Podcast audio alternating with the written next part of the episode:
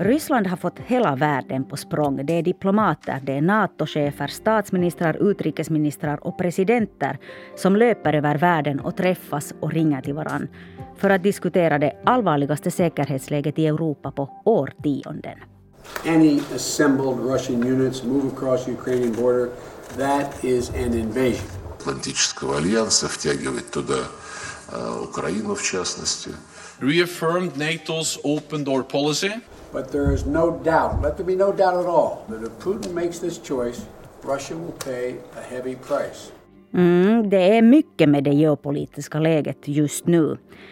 Men det är ändå Ukraina som till syvende och sist är allra mest i stormens öga. För det är just kring Ukrainas gränser som den ryska militära upptrappningen har pågått ända sedan i höstas.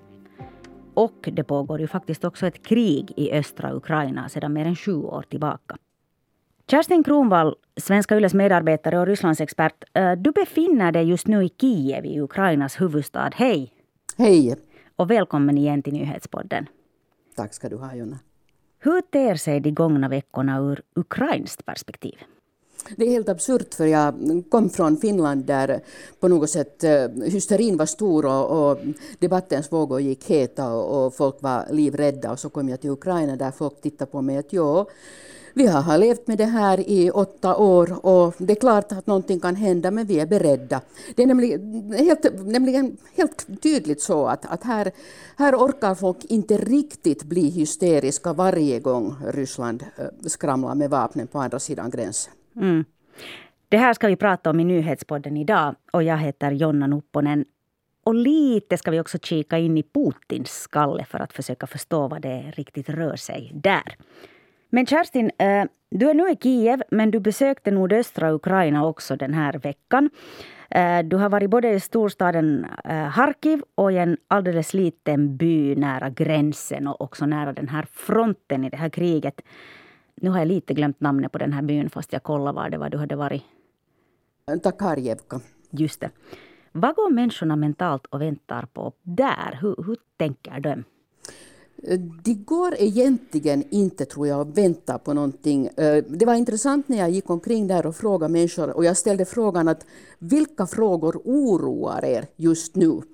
så var det första svaret av varendaste en att priserna på gas och på elektricitet och på mat och låga pensioner och sådana ekonomiska frågor som var det första svaret när jag inte började tala om kriget. Och när jag sen säger att med krigshotet då, så svarar människor att, att eh, jo, det är klart att det finns ett ökat hot, men vi, vi har ett krig här. Det har pågått i åtta år och på något underligt sätt kan man vänja sig vid att leva med ett sådant här hot. Och sen kommer du då, journalisten från Finland, dit och börjar fråga om kriget. Eh, vill människorna gärna prata om det då sen? Att får du igång folk att berätta om? Det är inga problem att få människor att prata. Jag tänkte på det här, att mm. hur otroligt mycket lättare det är att, att få människor att prata om vilken fråga som helst här i Ukraina än till exempel i Finland där det är ganska svårt att få folk att ställa upp på intervjuer så här helt oväntat. Människor vill gärna prata. De vill gärna tala om hur de lever och de blir väldigt glada över att någon från utlandet är intresserad av hur de har det. Och det som är lite på något sätt sorgligt ibland är det att, att människor tror att om det kommer en utländsk journalist hit till dem och sen efteråt berättar någonstans utomlands hur, om hur de har det och, och vilket läge är och vilket stöd de behöver så ska det här leda till att de får hjälp. Mm. Och det, det känns ibland lite så här orättvist att, att man inger människor någon slags hopp om att det att, att vi i Finland talar om hur de har det på något sätt skulle göra det lättare och bättre för dem i framtiden. Mm. Du har också träffat veteraner där i nordöstra Ukraina på din resa. Är det alltså veteraner från det här kriget, det som pågår nu? Ja, det är uttryckligen veteraner från det här kriget och jag har förstås under årens lopp, under de här åtta åren kriget har, på, kriget har pågått, träffat otaliga eh, både eh, krigsveteraner och krigsinvalider. Unga pojkar som har förlorat armar, ben, syn, hörsel eller sin, sin sinnesro. Och eh, nu till exempel när jag var där i, i Harkiv så intervjuade jag en, en veteran och, och han krigade där i, i Donbassområdet i nio månader innan han blev svårt skadad och sen, kom hem och håller på sjukhus och nu jobbar med någonting helt annat. Och det var ganska dramatiskt att tala med honom för att eh, han, han sa innan vi började intervjun egentligen så sa han att han helst inte skulle tala om sina upplevelser i kriget. Men sen när jag ställde en fråga kring kriget så sa han med en suck att jaha, jag blir tvungen att återvända till det här med kriget. Och sen började han tala om det och sen började han gråta. En, en stark ung man med ett bra jobb idag och, och, som nu har återhämtat sig efter sina skador. Men minne av kriget och minne av de förluster han hade gjort. Han har, har också förlorat nära, nära anhöriga i kriget. Så, så gjorde att han helt enkelt öppet började gråta inför mig. Mm, och det är ju inte då ett krig som är på något sätt färdigt heller, så hans upplevelser återupprepas. Uh, uttryckligen, mm. uttryckligen och, och, det talar han också om att, att bara i Harkiv-området så finns det ungefär 20 000 unga veteraner som alltså har varit ute i krig och nu har Ukraina ett sådant system att efter att man har krigat en, en viss tid, jag minns inte nu hur lång tid det är, så, så byts man ut så får man komma hem och så skickas det andra soldater till fronten. Men de här unga veteranerna som alltså har varit ute och har entledigats så eh, är beredda att dra ut på nytt om det behövs. Så det finns nu väldigt många unga soldater i Ukraina som har stridserfarenhet och som har en väldigt hög försvarsvilja. Människor vet vad som händer och är förberedda på att det kan bli värre. Men Ukraina som stat då? Kommer Ukraina att palla trycket så att säga? Hur, hur mår Ukraina inrikespolitiskt? Ukraina är en, en stat där det hela tiden pågår äh, väldigt mycket inrikespolitiska debatter och diskussioner och det kan, kan utifrån särskilt se, se väldigt liksom rörigt och bökigt ut.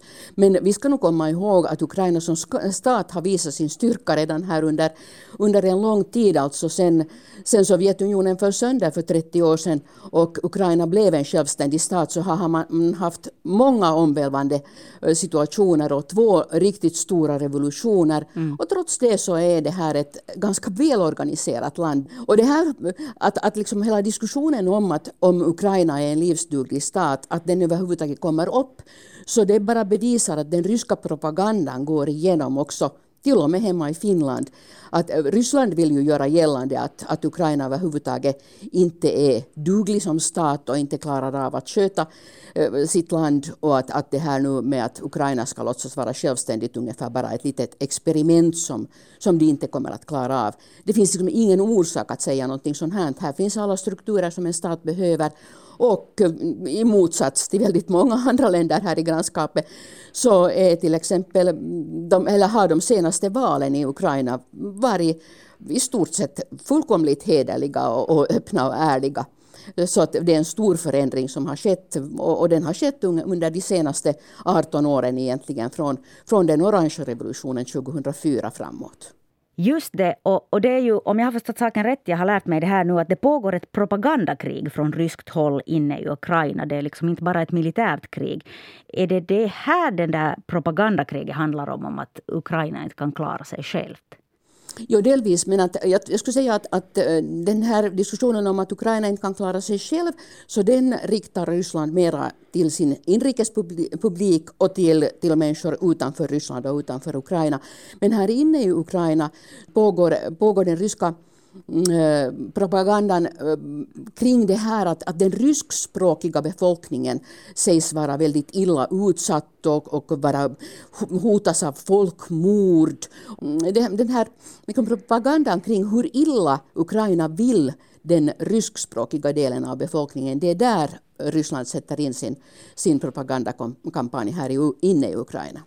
Och man kan ju också säga att eh, president Zelensky höll ett tal till folket den här veckan och där sa han att, att nu ska vi komma ihåg att just nu riktar eh, Ryssland inte ett hot mot eller en attack mot vårt territorium utan mot våra nerver. Det, det handlar mycket om det, att, att Ryssland försöker få ukrainarna att bli allt mer skrämda. Lyckas Ryssland med det här då? Jag tycker inte att det verkar så. Inte, inte utgående från det jag har sett under den här veckan. Kerstin, jag känner att vi måste prata om Putin och vad som kan tänkas röra sig i hans huvud. Det kan vi ju förstås inte veta, men det är ganska spännande och kanske till och med lite läskigt att försöka få, förstå sig på honom. Uh, hur nöjd tror du att Putin nu är över den här febrila diplomatiska aktiviteten som pågår i världen? Och som lite han har fått till stånd. Den tror jag han, jo, jo, alltså jag tror att han är jättenöjd just med det här. Jag tror att han riktigt sitter där och, och gnuggar händerna. Att, att nu är han den som alla lyssnar på, alla vill tala med, alla, alla är rädda för. Och alla, alla känner hur stark han är. Det tror jag, eh, utan att, att förstås kunna veta hur han, hur han ser på situationen, så tror jag att det är så här att han är jättenöjd med den här uppmärksamheten. Och den använder han också gärna inrikes för att förklara för den, som han hoppas, beundrande skaran av medborgare hur viktig han är i världen och vilken otroligt viktig roll Ryssland spelar i världen. Diskussionerna här i väst kretsar ju mycket kring vilken slags diplomati som kan tänkas fungera för att lösa det här på ett snyggt sätt för alla inblandade, också Ryssland.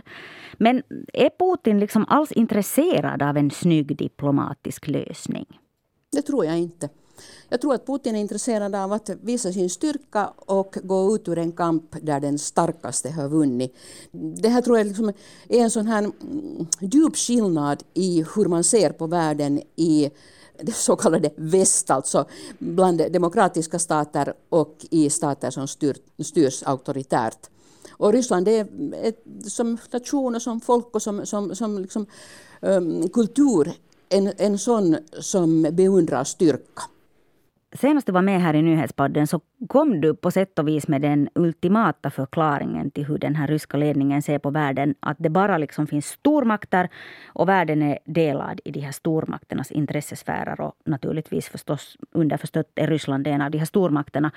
Mm, men jag börjar fundera, betyder det här egentligen att Putin aldrig har slutat föra kallt krig i sitt eget huvud?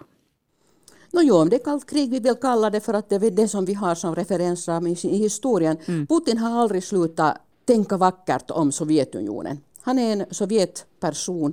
Och, och det att han själv inte var hemma i Sovjetunionen när unionen föll sönder tror jag att har påverkat honom också. Han har inte sett uh, vad människor hemma i Sovjetunionen ville och vad det var som ledde till att de Ehm, gick ut i stora demonstrationer och, och krävde ett slut på unionen. Han satt själv i Östtyskland, i Dresden på den tiden och följde det hela via den sovjetiska diplomatposten. Så jag, jag tror att han inte liksom riktigt eh, var en del av den utveckling som ledde till att Sovjetunionen föll sönder.